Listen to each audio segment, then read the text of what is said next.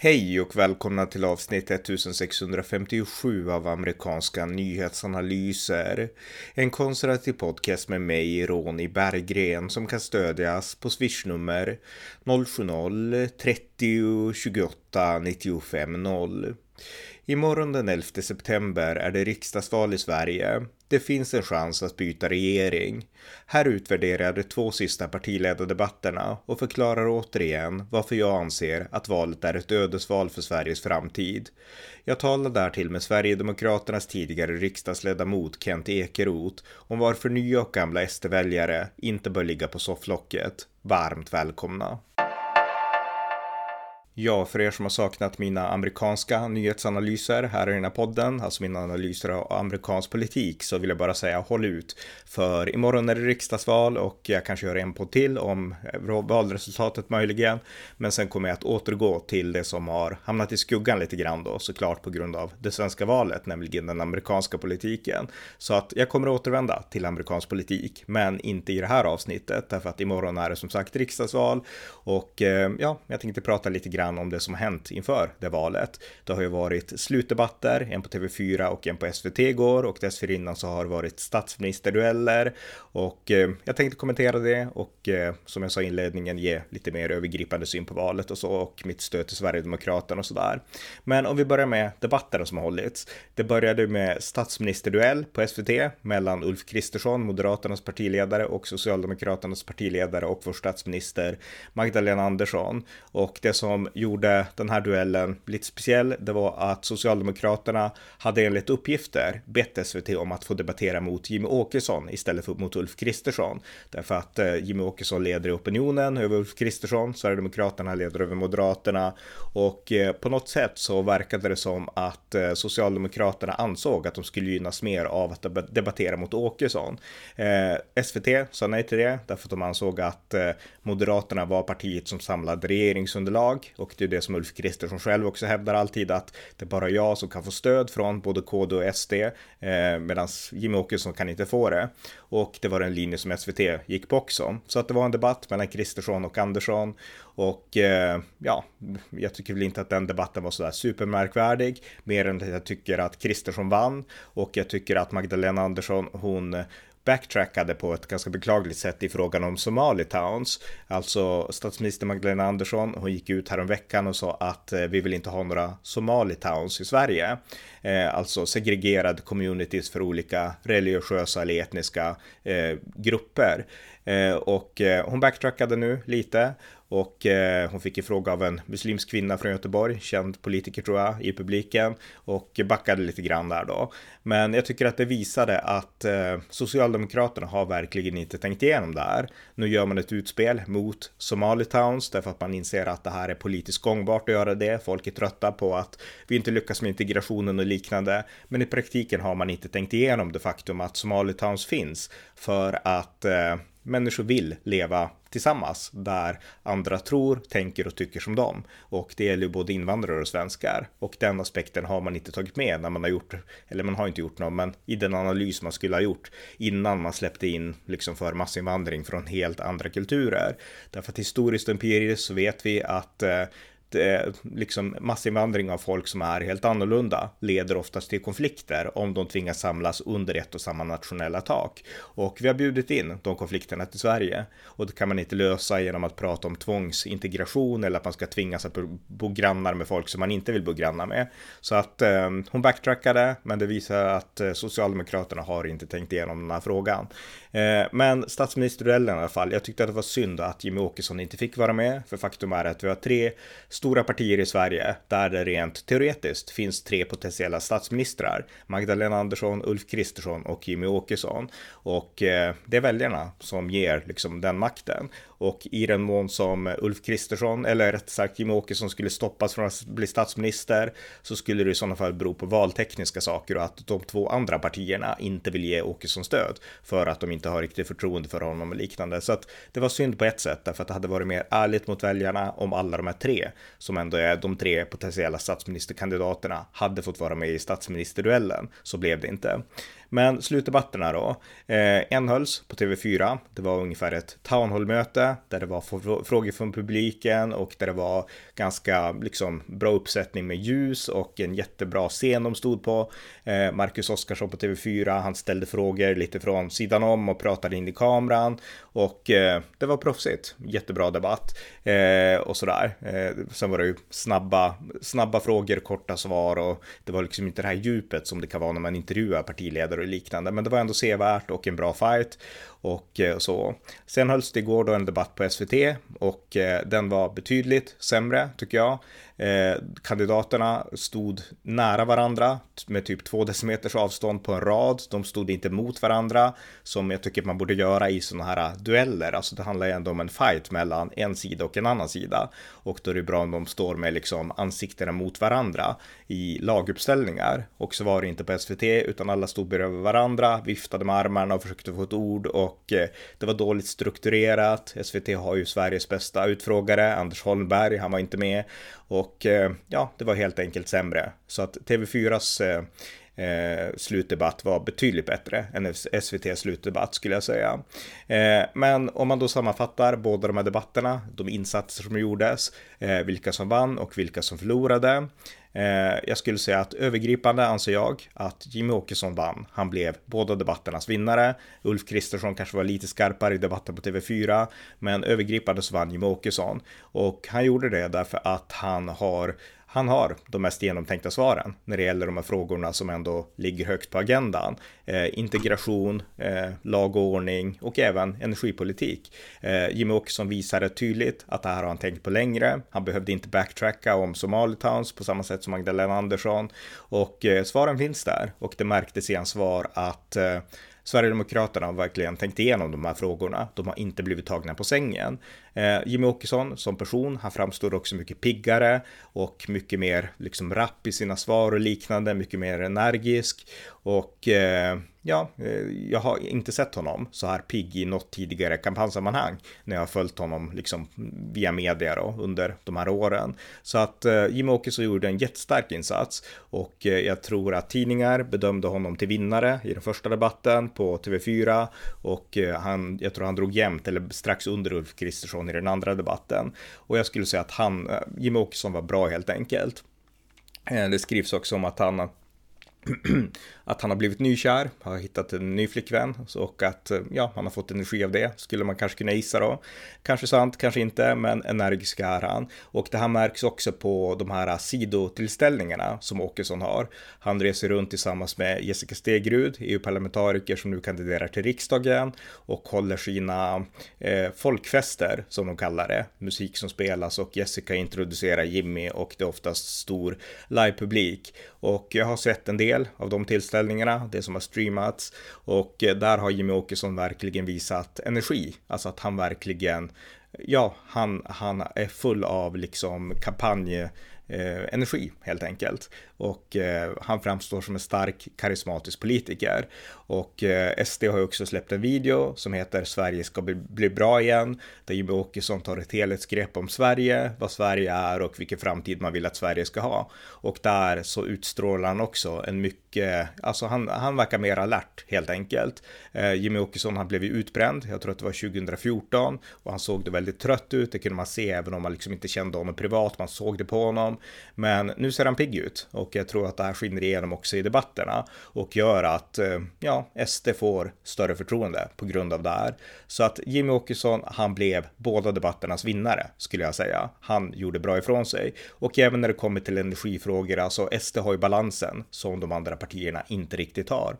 Eh, näst bäst och jag skulle säga att han också är en vinnare, det är Ulf Kristersson. Eh, jag har ju under åren eh, raljerat ganska mycket med Ulf Kristersson, har beskrivit honom som Mr Smirker och liknande saker.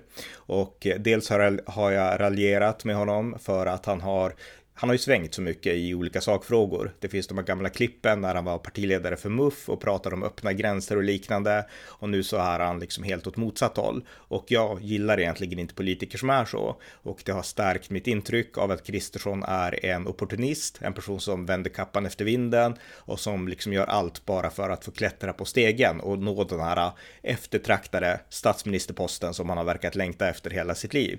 Det är lite mitt intryck av Kristersson samt att han kanske är lite så här överklassnobbig och inte förstår vanliga liksom arbetarsvenskar.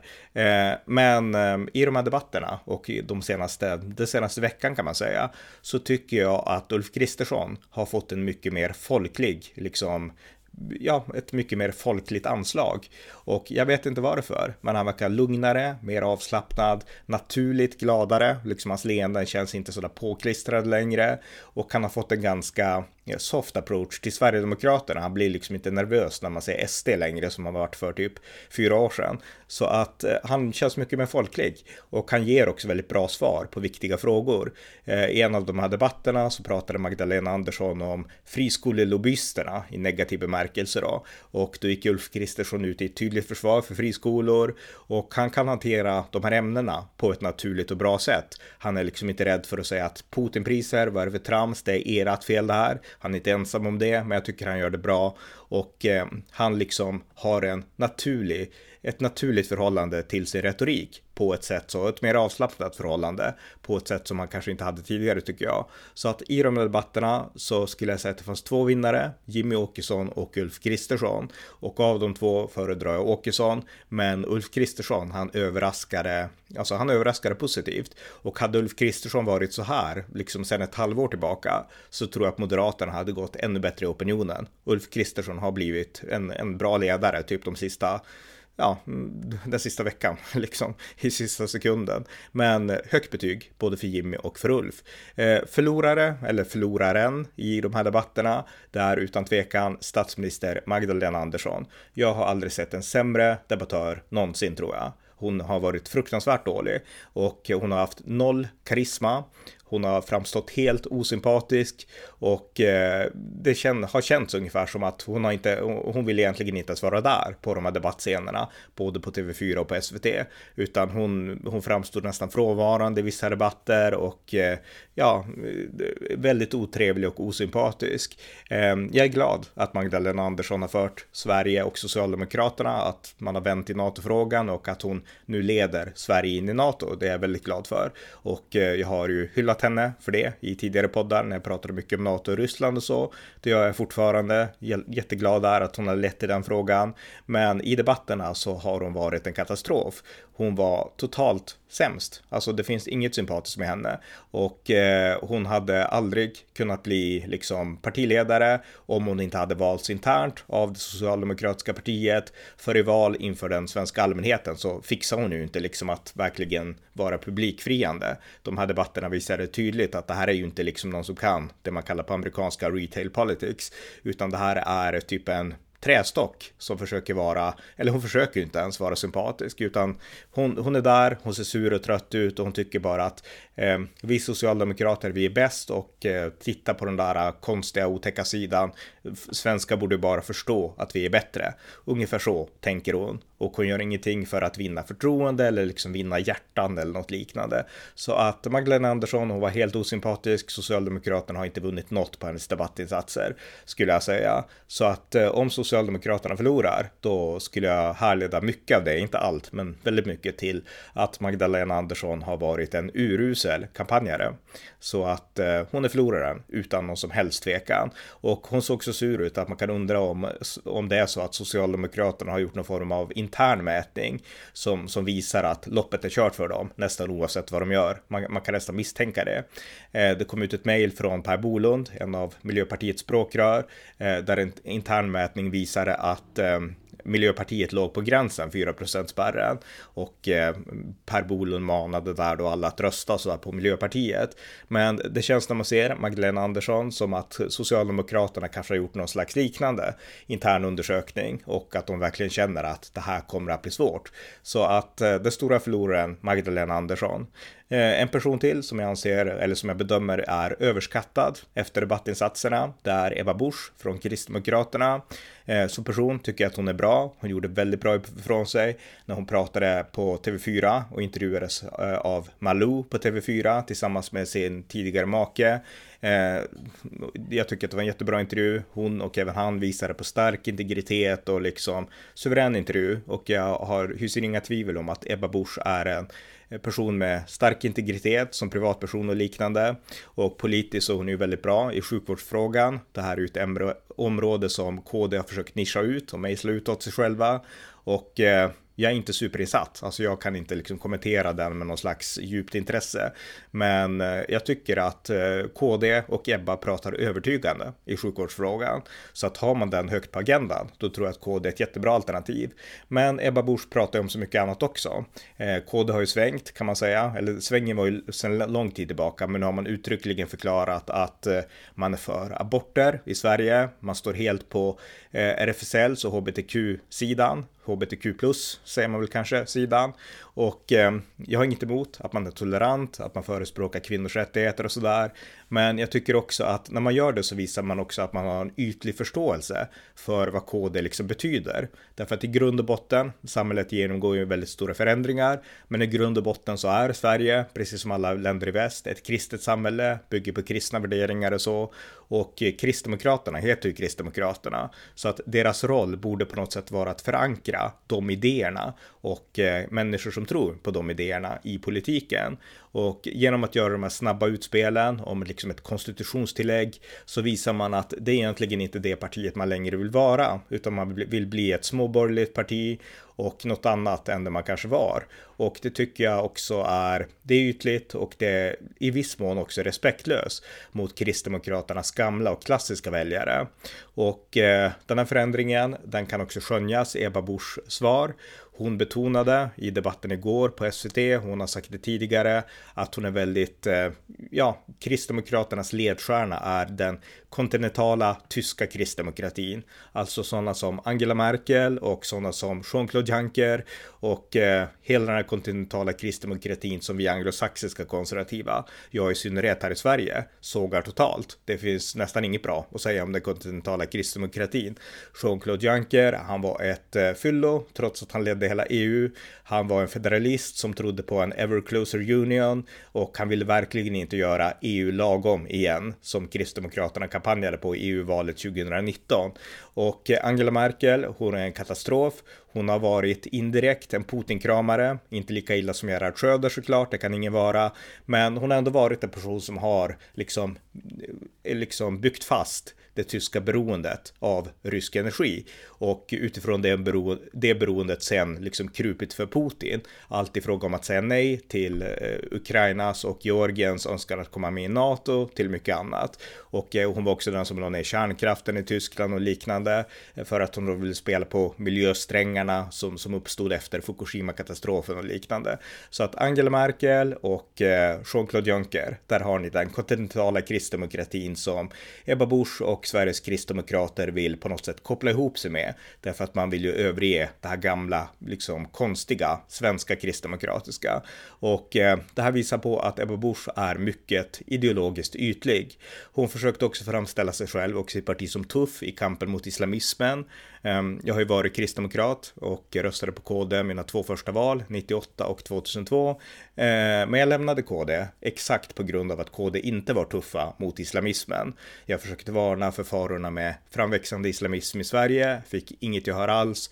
Det här var inte fråga som KD förstod och med tiden så har ju KD växt i den här frågan. Jag har träffat Ebba Busch också och eh, anordnat ett, ett möte med en patriark från Mellanöstern som hade förföljts av Isis. KD var då väldigt varma och mottagande och de har ju bättrat sig i de här frågorna med sådana som eh, Lars Adaktusson och andra som har lett i liksom kampen för kristna minoriteter och liknande och mot militant islam. Men det är inte så att KD är tuffa i förhållande till de här ämnena ännu. De är inte det. KD är partiet som var emot USAs krig mot terrorismen. De var emot Guantanamo-fängelset. De hade den här advokaten som var kristdemokrat som gjorde allt för att hjälpa eh, eh, Meshti Ghezali, den här svenska Guantanamo-fången, att få komma tillbaka till Sverige. Och KD har ingen bra track record när det kommer till islamism. KD röstar lokalt ofta för bygglov, för moskéer och liknande. Och KD drar inte, för KD vill ju vara småborgerliga och toleranta. De drar inte den här distinktionen mellan kristen och islamisk civilisation som Samuel Huntington drev och som Sverigedemokraterna snappat upp lite grann. Men KD vågar inte köra på det spåret ännu, utan de vill vara småborgerliga, småborgerliga framför liksom kristet förankrade. Och eh, det märks i Ebbas svar och därför tycker jag att Ebba är överskattad. Hon är karismatisk, hon har säkert stor personlig integritet och eh, hon är liksom rapp och kan liksom ge svar på tal när hon debatterar eller liksom, ja, eh, ger respons på Magdalena Andersson och andra. Men det här är ett ytligt parti och Ebba Busch är överskattad. Och eh, alltså ett parti som kallar sig kristdemokrater och lockas av den kontinentala kristdemokratin. Det är inget sunt parti, tyvärr, i ideologiskt avseende. Så att överskattad Ebba Busch. Eh, lite kort om andra då. Eh, Märta Stenevi, hon var den otrevligaste. Det var väl inte så konstigt. Eh, hon fick, eh, vid ett tillfälle så pratade hon väldigt mycket om de blåbruna och då menade hon då ja, eh, MKD, Liberalerna och såklart då de bruna, Sverigedemokraterna. Och brun, det kommer från ordet brunskjortor, eh, Horst Wessel och alla de här i Nazityskland. Så att det man menar med det är nazism. Och eh, Jimmy Åkesson, han eh, sa i debatten, eh, i, det var väl i förrgår tror jag, eh, på TV4 att eh, efter att Märta Stenevi hade uttalat sig att kan vi inte bara sluta kalla varandra för nazister? Kan vi skaka hand på det? sa han. Och så sträckte han ut en hand mot Märta Stenevi som vägrade ta hans hand. Och eh, det var väldigt otrevligt och väldigt arrogant gjort och eh, det visar på att eh, Märta Stenevi och Miljöpartiet, de verkar vilja köra på det här eh, nazikortet och jag tycker inte att det är bra. Så att Märta Stenevi, hon var utan tvekan den otrevligaste och eh, enligt mätningar så var, också, var hon också den sämsta i debatterna och det är jag väldigt glad för. Och som jag skrev på Facebook häromdagen att röstar ni fel på söndag så kan Märta Stenevi vara er minister på måndag. Så tänker för typ. Så att eh, ja, det är mitt omdöme om Märta Stenevi. Eh, en annan person som jag tycker tycker är en jojo, eh, det är Johan Persson, Liberalernas nya partiledare. Han är sympatisk, han är mycket bättre än sin företrädare Nyamko Sabuni. Han eh, ja, har också lyft Liberalerna till att kanske klara av riksdagsspärren och sådär. Men Johan Persson, det, alltså mitt intryck av honom i debatterna, det är att han är bäst när han försöker vara rolig. När han försöker vara liksom seriös, då framstår han nästan lite otäck. Eh, jag tror jag skrev någonting i en kommentar under debatten att eh, han är lite som en clown. Ro, liksom jättebra när han försöker vara rolig, men otäck när han försöker vara allvarlig liksom. Och eh, ja, på något sätt så man får inte samma liksom sympatiska känsla för honom när han försöker prata allvar. Och eh, ja, det är inte en styrka helt enkelt att vara en sån partiledare. Men det var lite om Johan Persson då. Så att eh, ja, det går väl att säga en del om de andra också. Eh, styrkan för Nooshi Dagostar, Vänsterpartiets ledare, det är ju inte att hon är kommunist, vilket hon i, av allt att döma verkar vara, även om hon inte kallar sig det. Eh, hon pratar hela tiden om liksom hur hon avskyr fria marknader och liksom riskkapitalister och vidare och så vidare. Men hennes styrka i de här debatterna, det är att hon ändå har framstått mer sympatisk än Magdalena Andersson. Magdalena Andersson har inte varit kapabel att le, det har Nooshi Dagostar varit. Eh, Annie Lööf till exempel, hon har varit ungefär som hon brukar vara, så att jag tror att hon hon har nog varken förlorat eller vunnit på de här debatterna, utan hon har varit ganska neutral som Annie brukar vara. Eh, har jag missat någon? Eh, kanske, jag minns inte. Men, men det här var ändå mina, mina tankar om debatten. Så kortfattat, den, de två stora vinnarna, det är Ulf Kristersson och Jimmy Åkesson. Den tydliga förloraren är Magdalena Andersson, vår statsminister. Så att det var lite av min sammanfattning av debatterna. Och i fighten mellan TV4 och SVT så är det ingen snack om saken. TV4 vann överlägset. Eh, om vi går, går vidare då. Eh, jag anser som sagt att det här är ett ödesval och eh, jag gör det helt enkelt därför att det är i normala fall väldigt lite som står på spel för svenskar. Historiskt så brukar svenskar gå och rösta på valkvällen. Sen går man och lägger sig, man går till jobbet nästa dag och tänker hopp, de vann, de vann inte och sen så lever man vidare sitt liv som vanligt. Alltså det blir oftast inga stora konsekvenser eh, efter val för oss vanliga medborgare. Har vi ett jobb så går vi till jobbet dagen därefter och lever vårt liv som vi brukar göra. Så vi, vi är ändå ett stabilt samhälle, fungerande demokrati och då är det så det ska vara. Politik är någonting vi inte ska behöva liksom, det ska inte handla om liv och död, därför att i fungerande samhällen så ska det inte spela någon roll vilket parti som styr. Men dagens Sverige är förändrat. Eh, idag så har vi en otrygghet som är enorm. Vi har eh, segregerade områden. Vi har konsekvenser av massinvandring med allt ifrån gruppvåldtäkter, förnedringsrån, eh, inbrott på landsbygden inte minst och ett allmänt otryggare samhälle, skjutningar och liknande i vissa storstäder och områden och sådär. Och eh, det här är en otrygghet som sprider sig och det är en direkt konsekvens av vänstersidan, av Socialdemokraternas, Vänsterpartiets och Miljöpartiets politik och även av nyliberalerna då, de gamla moderaterna och liberalerna och så vidare. Så att det här är konsekvens av dålig politik och eh, de här eh, konsekvenserna kommer att bli större om vi inte styr upp det hela. Och det enda parti som jag anser som har pratat om det här konsekvent och som verkligen har vågat konfrontera de här sakerna och även islamiseringen. Jag menar, vi har ett parti nu som heter Nyans som är ett islamistiskt parti i Sverige, i Norden, där islam aldrig har funnits. Det här är ungefär som, ja, ur ett historiskt perspektiv så är det här katastrofalt. Det här håller på att omdana Sverige till Mellanöstern och agerar vi inte nu så kommer de här problemen att vara enorma om något årtionde. Det här fungerande, trygga, kristna, sekulära Sverige som har funnits, det kommer att vara borta inom ett årtionde om vi inte agerar nu. Så att jag anser verkligen att det här är ett ödesval. Eh, Socialdemokraterna är inte kapabla att hantera de här frågorna. De låtsas att de är det, men de är inte det. Och eh, det enda partiet som kan det här, därför att det här är det de har pratat om och varnat för under lång tid, där Sverigedemokraterna. Så att jag anser att Sverige är på väg mot en tydlig point of no return eh, om vi inte ändrar kurs och eh, vi måste göra det nu därför att annars så kommer det här att bli väldigt besvärligt och jobbigt på sikt. Och det enda parti med potential att verkligen göra det på riktigt, det är Sverigedemokraterna. Så att därför anser jag att det här är ändå ett ödesval. Eh, så att eh, jag stöder Sverigedemokraterna öppet och jag hoppas att alla andra gör det också. Eh, och sådär. Och eh, här tänkte jag samtala lite med Kent Ekeroth som var eh, sverigedemokratisk riksdagsledamot mellan 2010 och 2018 och som också driver sajten Samnytt. Och eh, vi pratar om varför Sverigevänner, alltså personer med potential att rösta på Sverigedemokraterna, bör rösta på Sverigedemokraterna.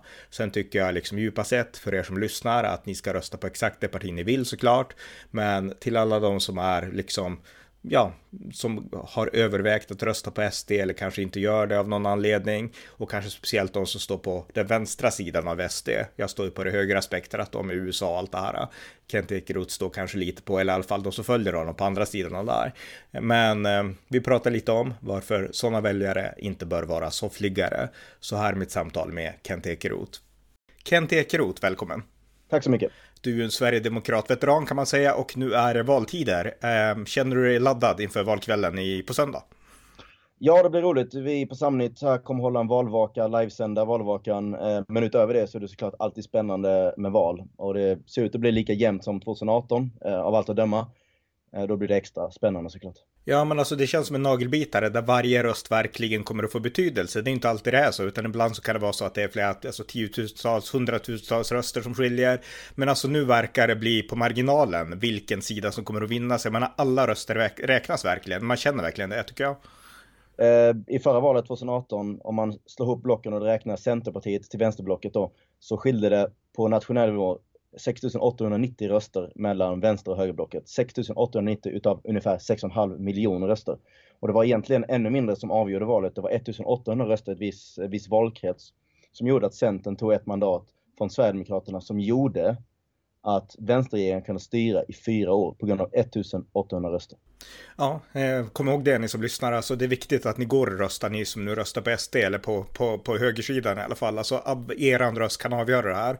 Men jag tänkte, eh, alltså det är så här också att det finns en stor diskussion nu inom, eh, ja, dels inom blocken och hur man ska kunna samarbeta eller inte samarbeta med SD och sådär. Men det handlar också om att SD har ju på något sätt, eh, SD måste fånga upp alla sina röster och alla sina väljare. Och det är lite därför jag pratar med dig nu. Jag tillhör ju den här eh, högerkanten, den här USA-vänliga kanten på liksom den Sverigevänliga sidan. Och eh, jag vet inte vilken kant du personligen tillhör, men jag vet att det finns många på Samnytt som skriver. De är kritiska till att Sverigedemokraterna eh, är för NATO nu och att Sverigedemokraterna inte längre, åtminstone inte just nu, vill gå ut ur EU. Och man är besviken och vissa tittar kanske på AFS och liknande. Och jag tycker att det är viktigt att hålla ihop. Alltså nu gäller det att det här är chansen att på något sätt kunna få Sverigedemokraterna att ta ett steg till och få högersidan att vinna. Eh, vad tänker du kring de här frågorna? Hur ska man göra för att få väljare som kanske känner sig besvikna att ändå gå och rösta på Sverigedemokraterna? Ja, precis. Och jag, höll, jag hade en intervju med Richard Jomshof, partisekreterare i SD, bara härm, eh, häromdagen kan man säga. Um, och vi pratade om precis det här.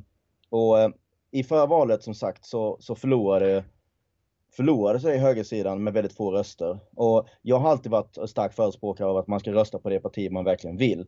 Eh, jag kommer ihåg att folk sa till mig 2006, eh, det är en slöseri att lägga din röst på SD, men 2006 och 2010 för den delen, så fanns inte något invandringskritiskt parti i riksdagen som kunde följa avgörandet. Det gick liksom inte att rösta på Moderaterna eller KD eller någon av de andra. Va?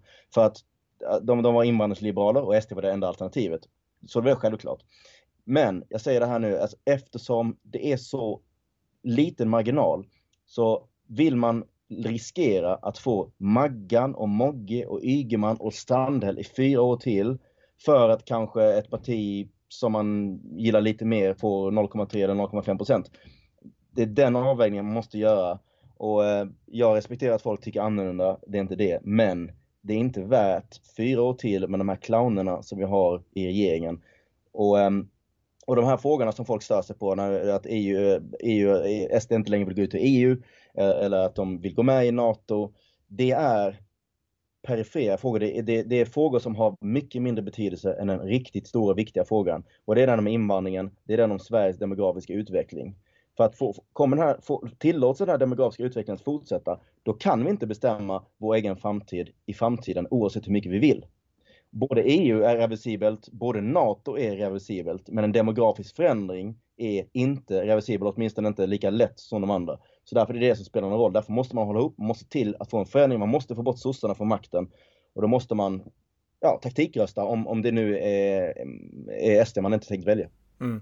Ja, men jag håller helt med. Jag menar, det här tog du upp i samtalet med Richard Jomshof. Att eh, alltså kärnan, det centrala, den röda tråden i, Sverigedemokraterna, det är ändå massinvandringen. Och i andra frågor som NATO, EU, men även alltså andra frågor så kan man ju ändra sig och partiet har ändrat sig under åren. Men den röda tråden är, ma är massinvandringen. Och jag menar, jag röstade först på Sverigedemokraterna 2006 och det var väldigt specifikt utifrån att jag ansåg att SD, jag var tidigare kristdemokrat, men jag ansåg att SD var det enda partiet som tog islamiseringen på allvar. Kristdemokraterna blundade, alla blundade, det var bara Sverigedemokraterna. Så att det här är verkligen den röda tråden, islamisering, massinvandring och liknande. Och eh, nu har man en chans att på något sätt ändå göra någon form av realitet av den politik som SD driver.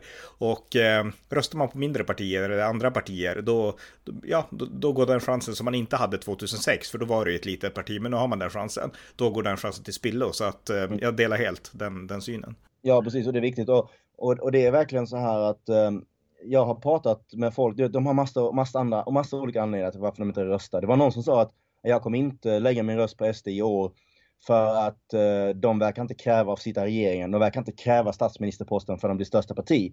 Och då sa jag till honom, men vänta lite nu, det där får de lösa efter valet. Det kan inte bli bättre av att du lägger det på soffan. Uh, det kan inte bli bättre. Det kan omedelbart bli bättre att lägga det på soffan och inte rösta på någon alls. Mm. Det var någon som sa att liksom, jag är en gammal sosse nu i SD, jag vill inte se kristen som statsminister, men det måste väl vara bättre än sossarna liksom man måste tänka lite taktiskt, lite strategiskt eller vad man nu väljer att kalla det. Eh, och kan inte bara gå på så känslan av stolthet att SD ska kräva ditten och SD ska kräva datten. Man måste ta steg för steg här. Och vi har inte råd med fyra år till av de här pajasarna som har gjort sabbat så mycket. Dels med invandring givetvis, men även i energipolitiken och allting annat. Det går inte att ha dem kvar. Nej, nej, jag håller helt med. Eh, det, det pratas nu mycket om den, den nya mediegrejen. Det verkar vara att SD är inte mogna. De, alltså nu pratar man inte lika mycket om nazism. Okej, okay, Märta Stenevi kanske, men, men, men liksom inte så många andra, utan nu är det mer att SD inte mogna för regeringsmakten och det är lite så som Kristdemokraterna och Moderaterna pratar, att det är ett omoget parti och liknande. Vad tänker du om det argumentet? Ja, alltså det som du säger, de, de, har gått, eh, de har haft så många olika argument mot SD genom åren och nu hittar de på ett nytt för de har tagit någonting annat. Det, det är löjligt att säga att SD inte är mogna. För att ett parti som haft rätt i alla större politiska frågor, inte bara de senaste 5-10 åren, utan jag menar 20-30 år. har SD haft rätt i alla större politiska frågor. Försvarspolitiken, invandringspolitiken, energipolitiken, med alla de här stora har de haft rätt i. Och, och då påstår de som har haft fel i lika lång tid, som har haft fel i 30-40 år, att SD inte är mogna. De har ju själva bevisat, Moderaterna, sossarna och alla andra, har ju bevisat i 40 års tid att de inte är mogna. För de har satt gång på gång, inte, ursäkta. Eh, för Moderaterna och, och sossarna, de har bevisat i 40 års tid att de inte är mogna. De har ju tagit fel beslut. Mm. Så att, att de säger att SD inte är mogna, det är bara för att vi inte suttit vid makten. Vi, vi kanske inte har erfarenheten av att sitta i regering till exempel. Men vi vet vad som behöver göras till skillnad från de andra. Och det är det som är det viktiga vad som behövs. Och, och det här är en teknisk, alltså hur man springer rätt i korridoren och hur man liksom leder alltså regeringsförhandlingar med, ja, vilka man nu förhandlar med, menar, det kan man ju lära sig. Och jag antar att det måste ju finnas folk man kan anställa. Och jag tror ju att Ester själv också har kompetens där redan. Men alltså sånt måste man ju kunna på något sätt. Man ska inte behöva liksom vänta fyra år till för en sån sak. Nej, nej, och det, det, det är ett svepskäl och det vet de om. Jag kommer ihåg, okej, okay, riksdagen och regeringen kanske inte exakt likadant, men när vi kom in i riksdagen 2010 vi visste inte hur man skrev en motion, hur man skickar in den och du vet, vi kom in, vi hade två veckor på oss att göra det. Jag kommer ihåg att jag fick iväg sju motioner innan tiden var, men, men det lärde sig och tjänstemännen i riksdagen var extremt hjälpsamma och man kom in i det väldigt snabbt. Jag kommer ihåg, vi gick upp till, jag tror det var första dagen eller sånt där, eh, och tog en debatt i någon eh, komplicerat EU-ärende och det var någon eh, sosse faktiskt som efteråt kom till mig och sa att de var imponerade att vi, att vi kunde gå upp i det här ärendet och sådär. Och jag tror det är samma sak på regeringsnivå Eh, jag förutsätter att det är samma sak, att de har lika professionella tjänstemän som jobbar där och ser till att de lotsar in nya partier i alla rutiner och sånt. Den här formalian, det lär man sig. Det är inte det som är det viktiga eller centrala. Det viktiga centrala är vilken politik vill man föra? Och det har SD visat i 40 års tid att man haft rätt. De andra visat i 40 års tid att man haft fel. Mm, precis. Så slutbudskapet är att rösta på SD, oavsett om ni står till höger eller vänster eller liksom om ni är besvikna eller inte. Alltså det, det finns så många anledningar att liksom lägga allt åt sidan nu. Det här är chansen som vi har, så rösta SD är min maning. Precis, alltså eh, bara som Jomshof sa, ge oss chansen. Eh, och det tycker jag verkligen man ska göra för att det finns ingen som har förtjänat den mer än SD. Nej, sista sak, eh, den här intervjun, vart kan man höra den med Jomshof som du gjorde? Den kan man höra på Samnytt YouTube-kanal, det är det senaste klippet vi har lagt upp där. Just det, okej, okay. tack igen Tekerot. Tack. Tack för att ni har lyssnat på amerikanska nyhetsanalyser.